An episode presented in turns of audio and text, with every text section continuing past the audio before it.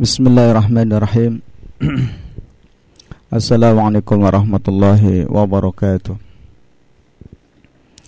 الحمد لله رب العالمين وبه نستعينه على أمور الدنيا والدين والصلاة والسلام على أشرف الأنبياء وإمام المرسلين حبيبنا وشافئنا محمد صلى الله عليه وسلم وعلى آله وأصحابه وأزواجه وذرياته ومن تبعهم بإحسان إلى يوم الدين.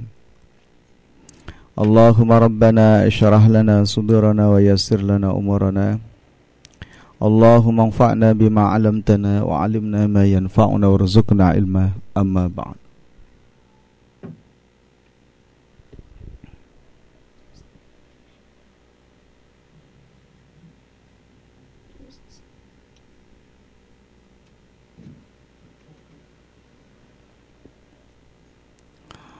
Para pemirsa, para pendengar Radio Dakwah Jogja rahimakumullah.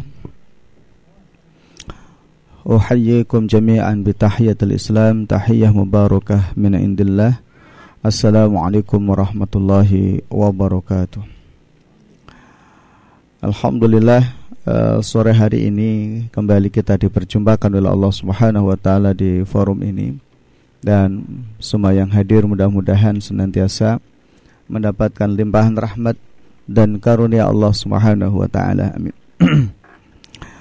Baik, uh, insyaallah sore hari ini kembali kita membacakan hadis Nabi sallallahu alaihi wasallam yang terdapat dalam kitab Adabul Mufrad yang disusun oleh beliau Al-Imam Al-Bukhari rahimahullah. Baik, alhamdulillah sore hari ini kita sudah sampai di bab ke-48 nomor hadis ke-87. Imam Al-Bukhari mengatakan Hattasana Bishru ibnu Muhammad. Qala akhbarona Abdullah. Qala akhbarona Sufyan bin Amr. Qala Hadasani Abdurrahman bin Jubair bin Nufair an abihi qala. Telah menceritakan kepada kami yaitu Bishr bin Muhammad dia berkata telah menghabarkan kepada kami yaitu Abdullah. Dia berkata telah menghabarkan kepada kami yaitu Sofyan bin Amr. Qala dia berkata haddasani Abdurrahman bin Jubair bin Nufair. An abihi meriwayatkan dari ayahnya. Qala dia berkata Jalasna ilal Mikdad bin al-Aswad yauman.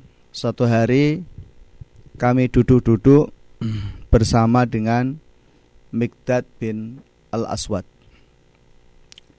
Nah, ketika kami sedang duduk-duduk itu famar robihi rojulun.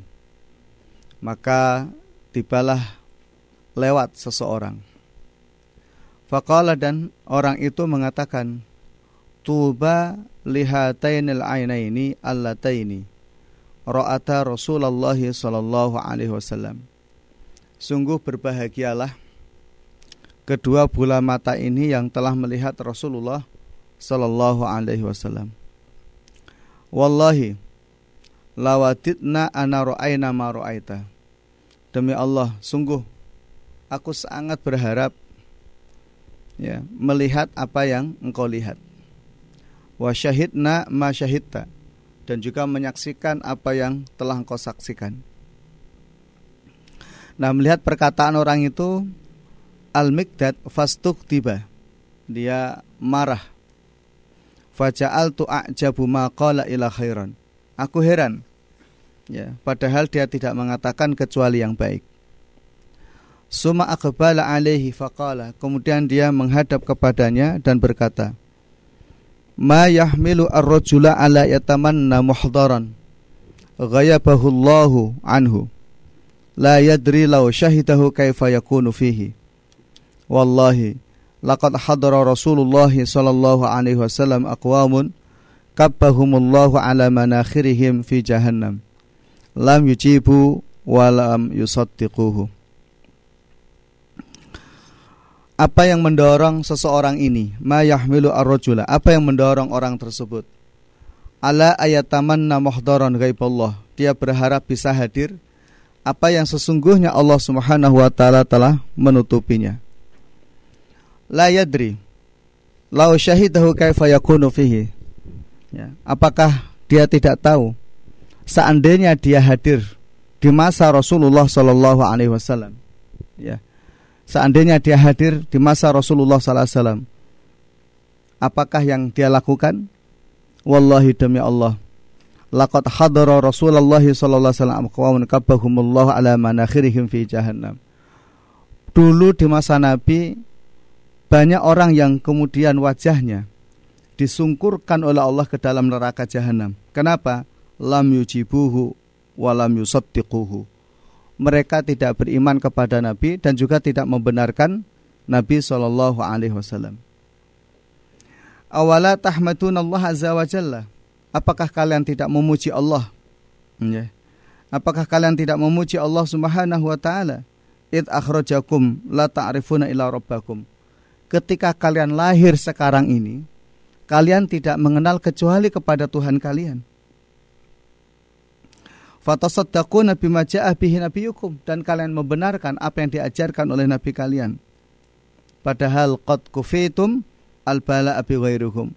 Allah Subhanahu wa taala telah mencukupi ya artinya telah memberikan bala itu kepada orang selain kalian. Wallahi demi Allah laqad bu Isa an nabiyyu sallallahu alaihi wasallam sungguh nabi telah diutus ala asyaddi halin pada situasi yang paling sulit.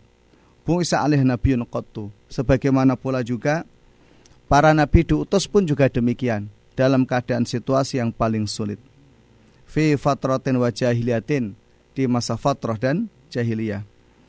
Ma yarona anna dinan afdalun ibadatil awthan. Mereka tidak melihat agama yang lebih baik pada saat itu kecuali menyembah berhala. Ya. Mereka tidak melihat agama yang lebih baik kecuali menyembah berhala pada saat itu. Maka faja'a bi furqanin farqa bi bainal haqqi wal batil hingga kemudian datanglah furqan Ya, maka kudanlah furqan. Yang mana furqan itu memberikan ilmu pengetahuan.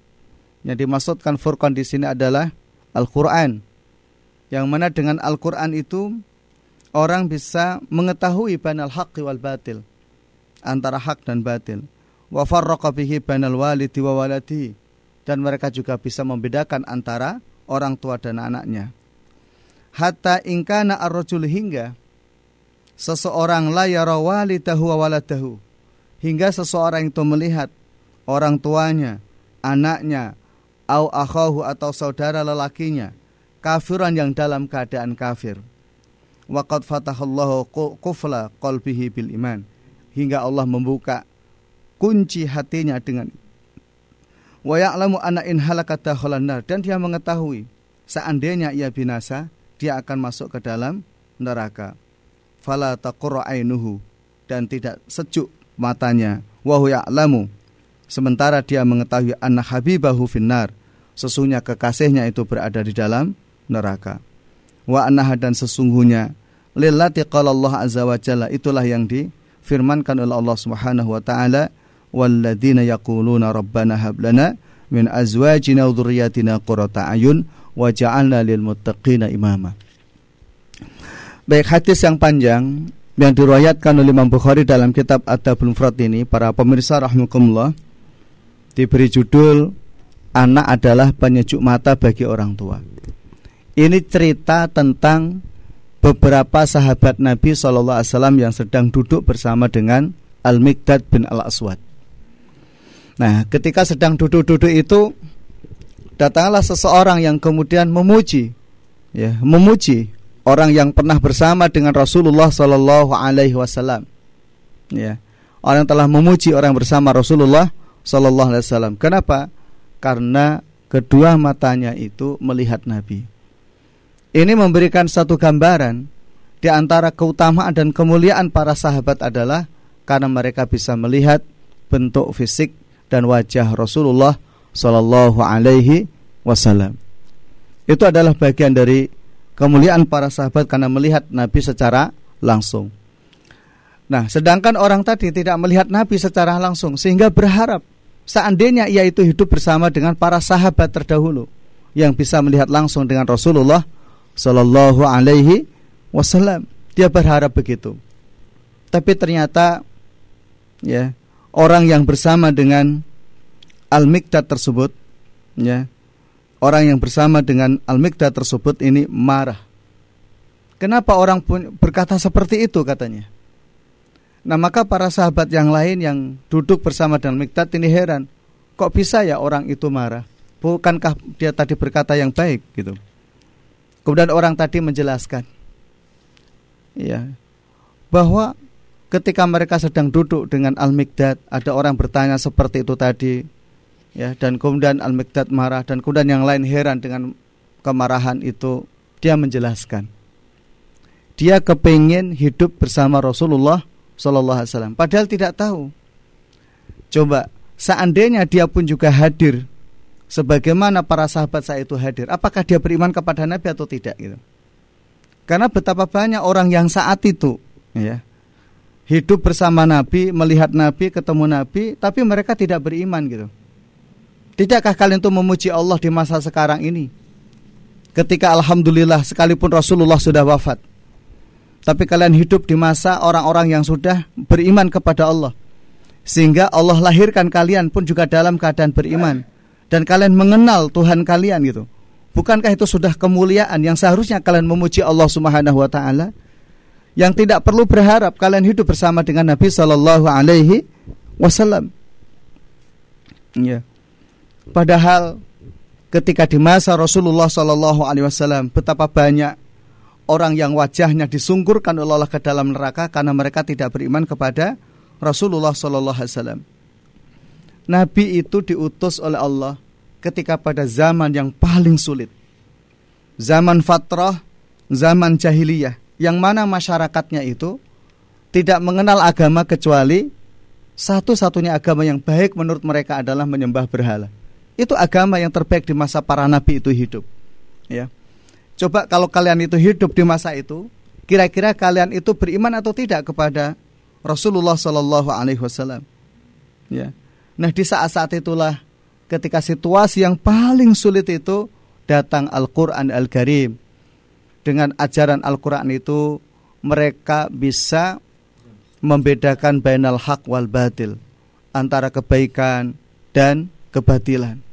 Ya, mereka membedakan itu, masya Allah. Itu adalah merupakan karunia Allah yang sangat besar. Hingga kemudian Allah membukakan iman kepada mereka. Ya, mereka dibukakan iman oleh Allah, hatinya beriman kepada Allah Subhanahu wa taala. Mereka mengenali ayahnya yang beriman, mereka mengenali anaknya yang beriman, mereka mengenali saudaranya yang beriman gitu. Padahal seandainya mereka kafir, kira-kira apa yang terjadi? Nah, ketika hati itu beriman, anaknya beriman, orang tuanya beriman, itulah yang dimaksudkan oleh Allah Subhanahu wa taala dalam doa, Rabbana hab lana min azwajina wa dhurriyyatina qurrata a'yun waj'alna lil muttaqina imama. Baik, para pendengar, para pemirsa rahmatullah, coba kita lihat pelajaran yang bisa kita ambil dari cerita yang panjang ini. Pertama begini. orang itu tidak perlu berharap di mana hidup orang masa lalu. Misalnya, coba aku kalau hidup di masa lalu, tentu aku akan lebih baik itu. Belum tentu juga.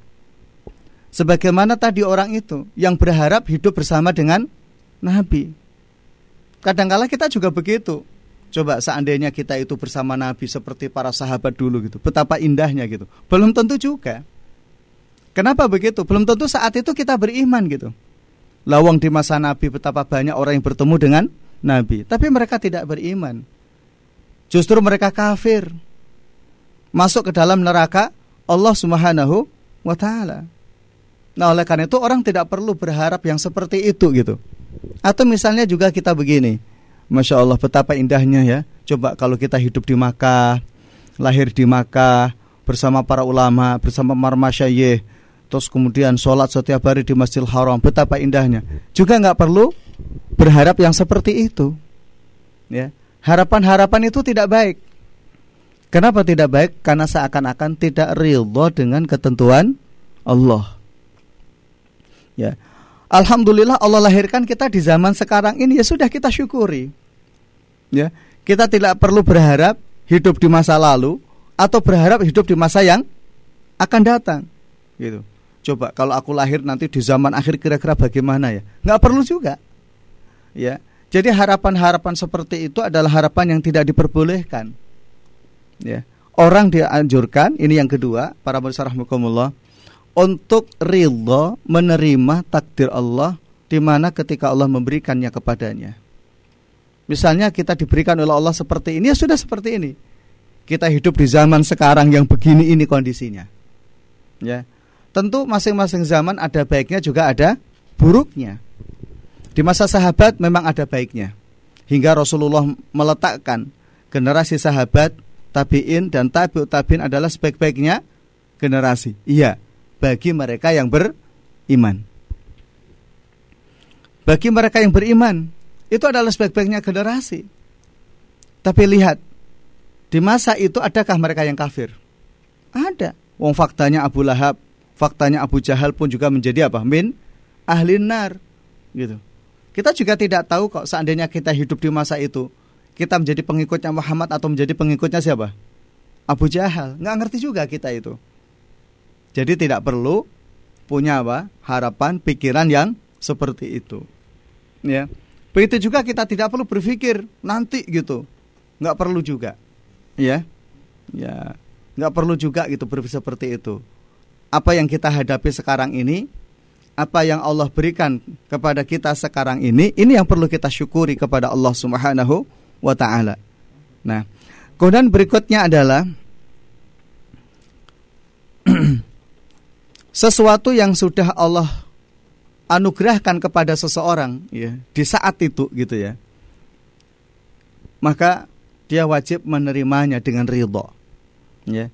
Dia wajib menerimanya dengan dengan ridho karena bisa jadi itulah kebaikan yang Allah berikan kepadanya. Ya. Itulah kebaikan yang Allah Subhanahu wa taala berikan kepadanya. Ridholah saat di mana Allah memberikan anugerahnya pada saat itu. Dengan situasi-situasi seperti itu, maka ridholah dengan pemberian Allah Subhanahu wa taala, ya. Nah, kemudian berikutnya pelajaran yang bisa kita ambil dari hadis ini adalah tentang ungkapan kalimat Wallahi laqad bu'isa an-nabiyyu ala asyaddi halin bu'isa alaiha alaiha nabiyyun qattu. Jadi Allah Subhanahu wa taala itu mengutus seorang nabi itu memang pada asyaddi halin. Situasi yang paling sulit. Ya, situasi yang paling berat. Di antara yang digambarkan oleh itu oleh hadis itu adalah pada di mana masyarakat itu tidak menganggap agama yang terbaik kecuali menyembah berhala. Dan faktanya memang demikian. Coba kita lihat ketika Allah mengutus Nabi Nuh. Ya, masyarakat juga menganggap agama terbaik adalah menyembah berhala. Nabi Hud juga begitu, Nabi Soleh juga begitu. Ya, bahkan sampai kepada masa nabi-nabi Bani Israel. Ketika Allah mengutus Nabi Ibrahim juga demikian. Menganggap apa namanya bahwa Namrud itu adalah Tuhan. Dan Namrud itu juga menyembah berhala-berhala yang dianggap Tuhan. Begitu juga nabi-nabi setelahnya. Jadi termasuk sampai kepada Nabi Muhammad Shallallahu Alaihi Wasallam bahkan masyarakatnya juga menganggap agama terbaik adalah agama yang menyembah kepada apa berhala. Nah di saat-saat situasi sulit seperti itulah Allah Subhanahu Wa Taala mengutus seorang nabi. Allah mengutus seorang rasul. Nah pertanyaannya begini, zaman sekarang ini kan sudah tidak ada lagi nabi dan tidak ada lagi rasul. Nah, kira-kira kalau masyarakat mengalami situasi yang sama sebagaimana masyarakat jahiliyah, sangat mungkin suatu ketika nanti ya. Karena Rasulullah pun juga mengatakan ja'al islamu ghoriban. Ya. Ja'al islamu ghoriban wasayaudu ghariban tuba lil ghuraba hadis ini saya dapatkan dalam kitab Zadul Ma'ad yang disusun oleh beliau Al-Imam Ibn Al-Qayyim Al-Jauziyah Para pemirsa dalam hadis itu Rasulullah mengatakan Islam itu awal pertama kali datang itu gharib. Ya. Apa makna gharib itu? Aneh, asing. Masyarakat itu terasa asing mengenal Islam itu. Agama kok koyok ngono. Nah, itu kalau bahasa kita begitu ya. Agama kok koyok ngono gitu. Jadi merasa asing masyarakat itu. Begitu juga suatu ketika nanti masyarakat ini pun juga menganggap Islam itu asing suatu ketika nanti gitu. Atau bahkan sekarang ini sudah mulai terasa. Orang mengamalkan Islam itu yang sungguh-sungguh gitu kan. Dikatakan radikal, dikatakan ekstrim gitu ya. E, apalagi dikatakan apalagi gitu ya.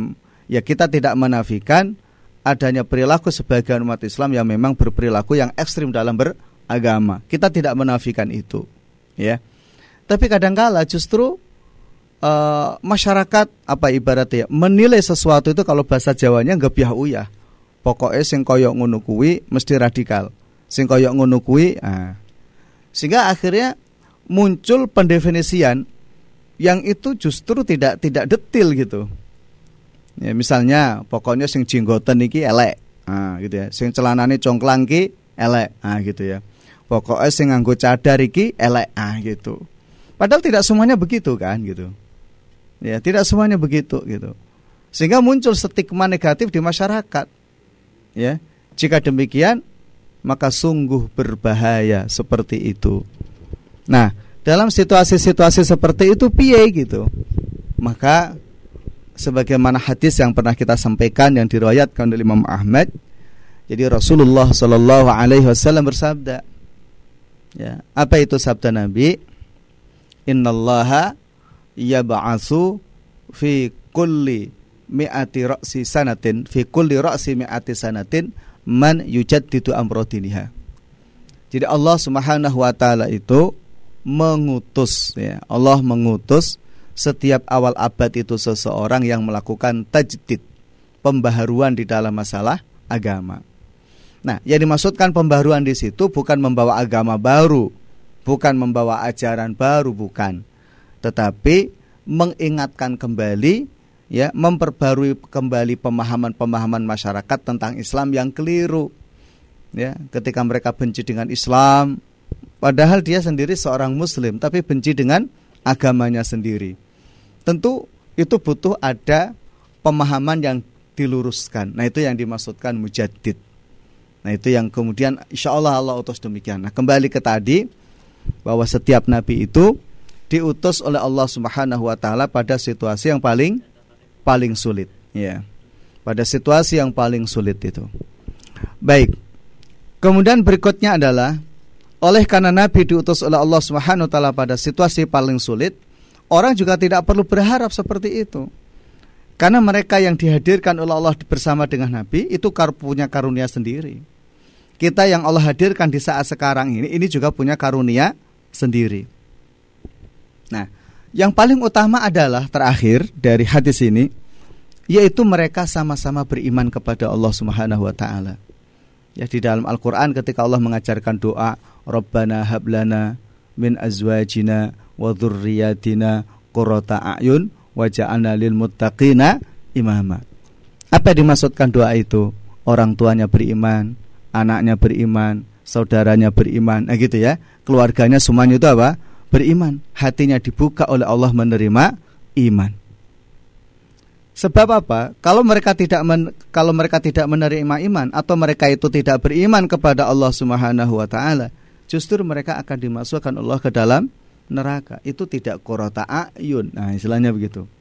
Itu tidak korota ayun. Jadi yang disebut korota ayun adalah semua keluarga beriman dan masuk surga bersama gitu. Itu yang masuk uh, pembahasan apa yang disampaikan oleh Allah Subhanahu wa taala di dalam surat At-Tur ayat yang ke-21. Walladzina amanu wa taba'ashum dzurriyyatahum alhaqna bihim. Jadi orang-orang yang beriman dan keimanan itu diikuti oleh uh, anak dan cucunya, maka kelak mereka akan dipertemukan oleh Allah di surga. Jadi bareng-bareng berada di dalam surga Allah Subhanahu wa taala. Nah, itulah yang dimaksudkan dengan apa? Qurrata ayun. Nah, tentu ini diangkat oleh Imam Al-Bukhari ya ketika cerita tentang birul waliden ketika cerita tentang keluarga berbuat baik kepada keluarga dan seterusnya dan seterusnya ini memberikan satu gambaran bahwa cita-cita keluarga yang beriman adalah sama-sama masuk ke dalam surga Allah. Suaminya ke surga istrinya ke surga anak-anaknya ke surga bapak ibunya ke surga nah gitu ya. Bapaknya bapaknya bapak ke surga ibu ibunya ibu juga ke surga saudara-saudara yang lain juga ke surga nah itulah yang disebut namanya qurrata ayun dan kita tentu berharap anak-anak kita menjadi orang yang qurrata ayun yaitu semuanya beriman kepada Allah Subhanahu wa taala menjadi hamba Allah taat kepada Allah taat kepada rasulnya taat kepada syariat Islam dan mati dalam keadaan iman dan Islam. Masya Allah. Maka Allah katakan dalam Al-Quran, wala tamutunna illa wa antum muslimun. Janganlah kalian sekali-kali mati kecuali dalam keadaan Islam, ya kan? Ini memberikan satu gambaran Qurrata ayun adalah humul muslimun, yaitu mereka yang berislam. Baik. Kita lanjut ke bab berikutnya bab ke-48 nomor hadis ke-88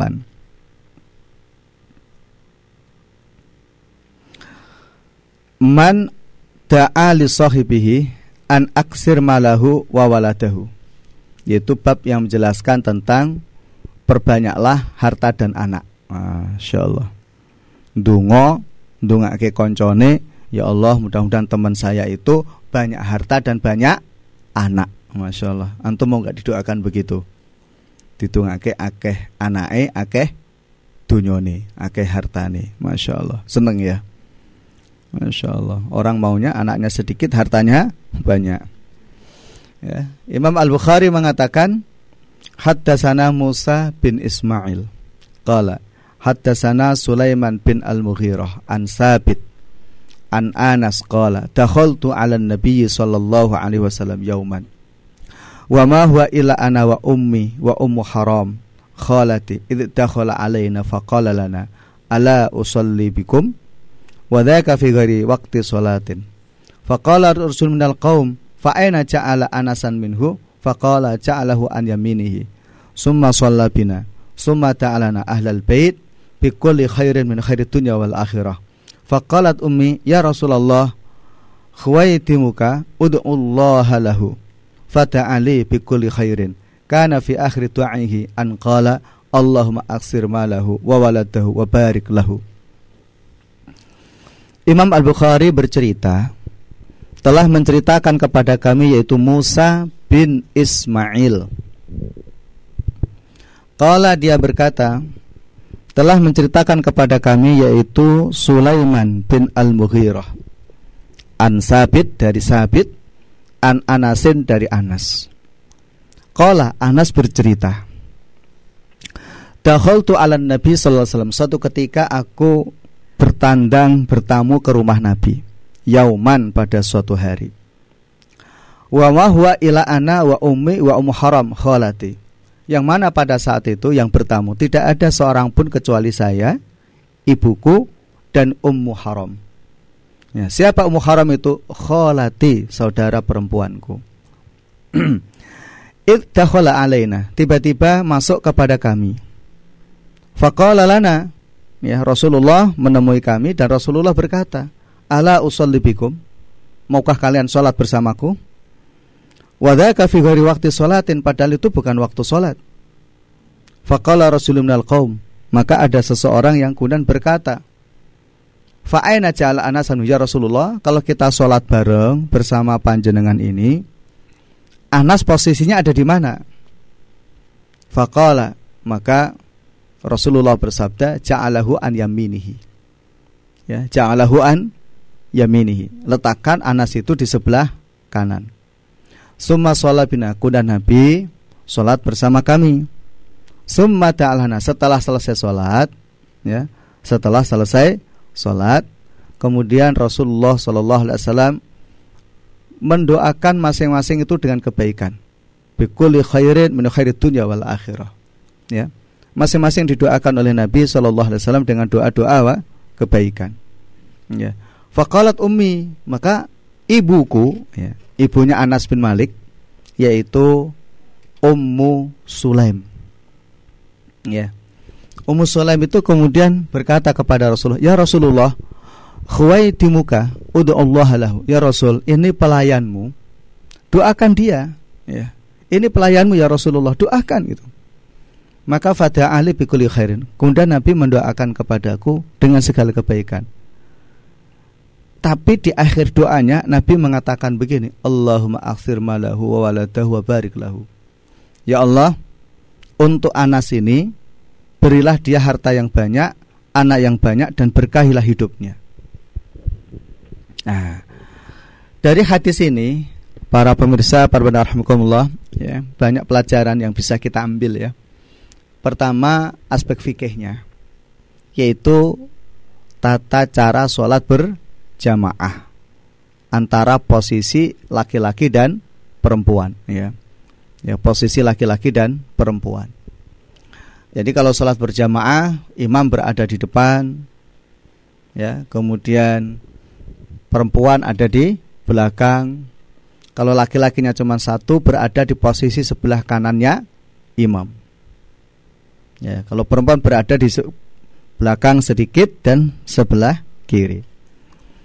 Begitu juga kalau jumlahnya banyak ya, jadi sholat berjamaah jamaah laki-laki berada di depan, jamaah perempuan ada di belakang. Bagaimana kalau kalau kanan kiri bolehkah? Ya, prinsipnya boleh-boleh saja. Ya, ada juga masjid-masjid tertentu gitu ya, yang sholat jamaahnya itu ada kalanya laki-laki di sebelah kanan, perempuan di sebelah kiri.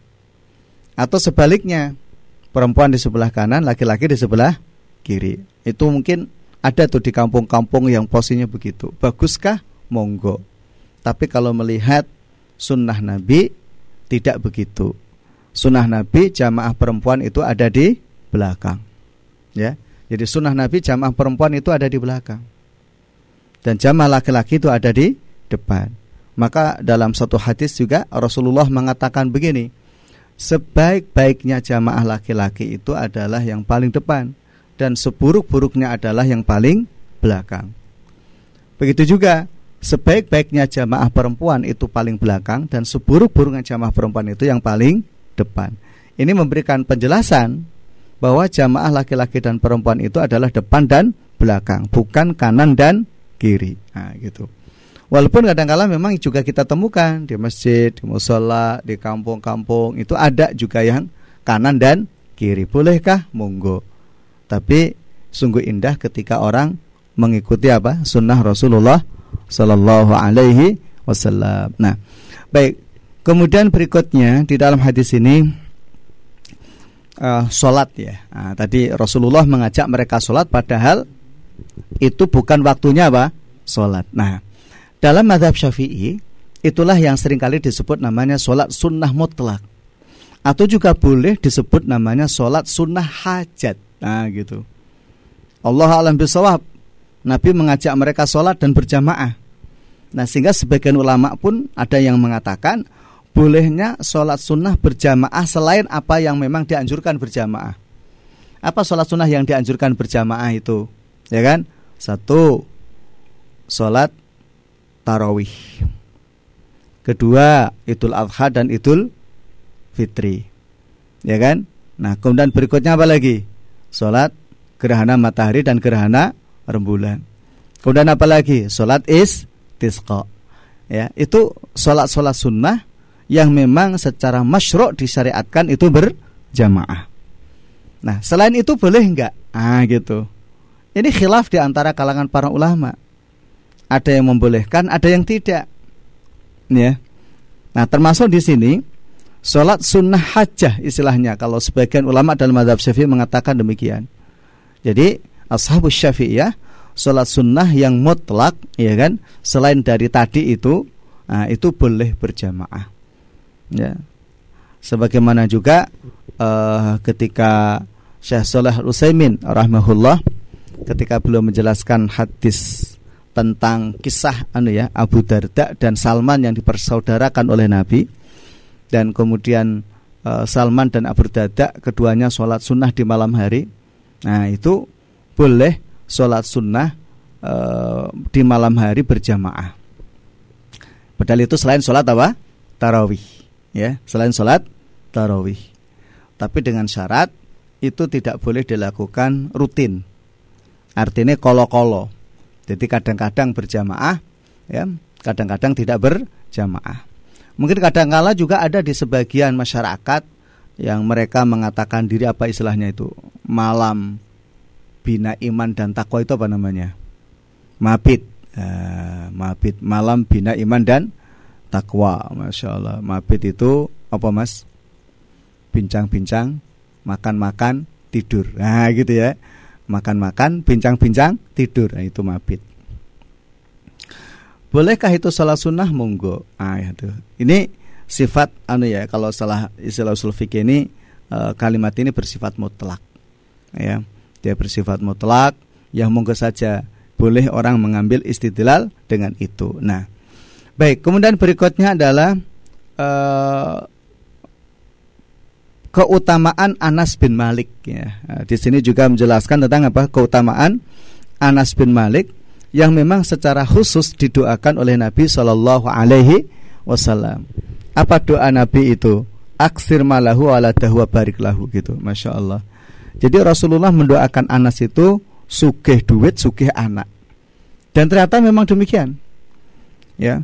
Bahkan dalam satu riwayat ketika Anas masih kecil ya lahir dibawa oleh ibunya Ummu Sulaim kepada Nabi Shallallahu Alaihi Wasallam dan kemudian apa Rasulullah Sallallahu Alaihi Wasallam itu istilahnya apa ya? Meletakkan korma di mulutnya Anas itu ya, ya alhan alhanak ya istilahnya gitu ya. Nah itu Nabi juga mendoakan kepada Anas ya. Ya Allah mudah-mudahan umurnya diberkahi ya. Banyak para ahli sejarah bahwa Anas ini termasuk sahabat Nabi Shallallahu Alaihi Wasallam yang usianya paling panjang, ya, yang usianya paling panjang. Ada mengatakan sampai 90 tahun. Ya. Dalam sejarah ketika terjadi apa namanya e, perselisihan antara Ali dan Muawiyah belum masih ada. Begitu juga ketika Muawiyah berjaya dan Muawiyah runtuh, itu Anas masih hidup. Sampai kemudian berpindah kepada tangan Bani Abbasiyah. Karena Muawiyah ini berkuasa tidak lama. Ya. Muawiyah ini berkuasa tidak lama. Bani Muawiyah ini. Ya, tidak lebih dari 60 tahun. Ya, tidak lebih dari 60 tahun berkuasanya. Setelah itu berpindah tangan kepada Bani Abbasiyah dan Bani Abbasiyah ini cukup panjang. Ada sekitar ada yang mengatakan 500 tahun, ada sampai 600 tahun. Kemudian jatuh ya uh, masuk ke Bani Sal, uh, Saljuk, Mamalik itu ya sampai ada sejarah Bani Fatimiyah dan seterusnya uh, sampai kemudian jatuh ke Turki Utsmani. Nah Turki Utsmani juga panjang kira-kira ada yang mengatakan 600 tahun. Allahu alam bisawab. Nah kembali ke tadi. Nah begitu juga keluarga Anas, anak dan cucunya itu dikumpulkan itu 90-an juga. Ada yang mengatakan sampai 100. Jangan antum bayangkan gitu ya anak dan cucu dikumpulkan sampai 100 itu. Nah, itu keberkahan doa Rasulullah dan barokah gitu ya. Anaknya barokah ya sugih, ya pinter, ya soleh. Cucu-cucunya juga begitu, cicit-cicitnya juga begitu, sugih, soleh, nah, gitu ya, masya Allah. Kan memang harapannya begitu ya. Doa itu ya memang sing apik, ya sugih, ya soleh gitu. Ya maksud donga sing diberkahi, ya sugih sing barokah, soleh sing barokah, nah gitu ya. Umur barokah, ngilmu barokah itu doa yang bagus. Dan memang ini juga e, menarik ya ketika kita ketemu kawan sahabat gitu ya. Saling mendoakan ya. Mudah-mudahan diberkahi umurnya diberkahi ilmunya kan gitu ya. Diberkahi keluarganya masya Allah gitu kan. Semoga segera dapat pasangan yang cantik yang ganteng kan gitu ya. Yang soleh yang solehah kan gitu ya. Jadi wong sing sugih jadi wong sing soleh kan gitu. Kan itu doa yang luar biasa. Itu yang kemudian di sini para ulama mengambil ibrah pelajaran demikian ya maka saling apa namanya mendoakan satu dengan yang lainnya ya mendoakan satu dengan yang lainnya baik kemudian berikutnya adalah uh, di sini disebutkan tadi tentang uh, ibunya Ummu Sulaim ya, yang mengatakan kepada Rasulullah, "Ya Rasulullah, huwaidumuka, ud'ullah lahu." Ah gitu ya. Jadi boleh seseorang meminta doa wasilah kepada orang yang masih hidup. Nah, ini bicara tentang wasilah. Para ulama sepakat dan itu memang disepakati bolehnya wasilah satu dengan asmaul husna, kedua dengan amal soleh, ketiga meminta doa kepada orang soleh yang masih hidup. Nah itu muttafaq ya itu mut muttafaq. Begitu juga kepada Rasulullah Shallallahu Alaihi Wasallam. Adapun kepada Nabi ketika sudah wafat itu perselisihannya sangat panjang ya. Perdebatannya panjang di situ ya. Kita tidak akan masuk ke situ ya. Banyak buku-buku yang sudah membahas. E, pemirsa kalau berkenan boleh membaca buku wasilah yang disusun oleh beliau Asyih Nasruddin Albani. E, judul bahasa Arabnya adalah al wasilatu anwa'iha wasilah dan macam-macamnya. Nah itu bagus ya penjelasan-penjelasan beliau di dalamnya atau juga buku-buku yang lain yang sudah ditulis susun para ulama tentang wasilah. Monggo. Tapi yang disepakati itu tadi ya. Wasilah dengan asmaul husna, wasilah dengan amal soleh dan juga wasilah dengan doa orang soleh yang masih hidup. Nah, termasuk di sini Ummu Sulaim itu berwasilah dengan Nabi Shallallahu Alaihi Wasallam ketika apa beliau masih masih hidup. Ya, memohon kepada Nabi agar Nabi itu mendoakan siapa putranya. Nah, Kemudian muncul begini, boleh nggak sih kita silaturahim kepada orang soleh gitu, orang yang kita pandang soleh, kita bersama keluarga kita, anak kita, dan kemudian kita minta doa darinya gitu, bolehkah? Boleh. Ya, misalnya antum, ya, antum sudah punya istri belum? Sayang belum ya. Antum dengan istrinya, ya kan, dengan anak-anaknya, ya silaturahim, ya kepada orang yang soleh, ya tidak mesti solihun namanya kan? Ya namanya yang tidak mesti karena banyaklah orang soleh ini masya Allah di muka bumi ini. Datang kepadanya sampaikan hajatnya memohon doa ya. Memohon doa agar beliau berdoa kepada Allah Subhanahu wa taala. Kenapa? Husnudzon. Orang yang bertakwa ya kan? Orang yang alim, orang yang saleh, ini kan akrab ilallah, lebih dekat kepada siapa? Allah ya ketika sholat malam dia dengan puasanya gitu ya menjauhi dosa dan kemaksiatan dan banyak melakukan amal soleh gitu ya itu sebuah husnudzon dan juga husnudzon di situ ada roja ya di situ ada apa? Roja ada harapan gitu. Ada harapan kepada Allah Subhanahu wa taala. Ada harapan kepada Allah. Apa bentuk harapannya itu? Bahwa agar Allah memberikan kebaikan dalam kehidupannya. Ya jadi tidak ada masalah hal itu. Monggo kalau mau dilakukan dan bagus juga, ya. Ada juga hadis Nabi Shallallahu Alaihi Wasallam, ya. Hadis ini juga memberikan penjelasan lain bahwa kita itu dianjurkan untuk saling mendoakan. Ya. Bahkan Rasulullah Shallallahu Alaihi Wasallam memberikan kabar bahwa ketika seorang saudara mendoakan saudara yang lain, itu doanya mustajabah. Dan itu sama halnya dengan orang itu mendoakan terhadap apa? Dirinya sendiri ya, ketika dia mendoakan saudaranya dengan doa-doa kebaikan itu, maka malaikat itu bertengger di kepalanya dan dia mengatakan wala kamislah, kamu juga sama gitu. Apa maknanya? Kalau kita mendoakan orang lain baik, maka sama saja kita mendoakan terhadap apa? Diri kita sendiri. Karena doa kebaikan itu akan kembali kepada diri kita. Ya. Maka jangan berhenti mendoakan apa? saudaranya. Nah, sehingga sebagian ulama menganjurkan ketika doa itu tidak untuk sendiri-sendiri yang misalnya lafal ya, kalimat redaksi ya. Uh, Rabbi firli wali walidayya misalnya boleh diganti Rabbana lana. Ya. Dan itu mengikut sertakan dalam doanya niatnya itu bukan untuk dirinya tapi juga sahabat sahabatnya, saudara-saudaranya. Ya, Robbana atina. Sekalipun itu memang domirnya itu domir mutakalim wahdah. Boleh diganti dengan domir apa namanya muadzam nafsah kita ya domir yang kemudian uh, memberikan penjelasan makna untuk mencakup semua kita ya jadi ya contoh misalnya Allahumma inna na'udzubika minal hammi wal hazan nah itu kalau redaksinya kan Allahumma inni a'udzubika kan gitu ya. Ini boleh diganti dengan inna, domirnya itu diganti dengan nahnu, ya. Disebut mu'adzom nafsah, yang itu kemudian menyertakan tidak hanya kit, tidak hanya dirinya sendiri, tetapi juga orang-orang yang ada di sekelilingnya, ya. Orang-orang yang ada di sekelilingnya. Terus terakhir dari hadis ini para pemirsa rahmukumullah. Nah, doa yang paling bagus. Nah, itu dia adalah mendoakan keluarganya sendiri supaya menjadi korota ayun. Ya, orang tua mendoakan anak, anak mendoakan apa? Orang tuanya. Itu Rabbana hablana min azwajina wa dzurriyyatina qurrata ayun. Ya, wa lil muttaqina imama. Masya Allah. Ketika seorang ayah mendoakan begitu, ibu juga berdoa seperti itu, anak juga berdoa seperti itu. Harapan yang besar dan itu adalah di antara doa yang terbaik yang dipanjatkan oleh ke, oleh anggota keluarga kepada Allah adalah mendoakan apa?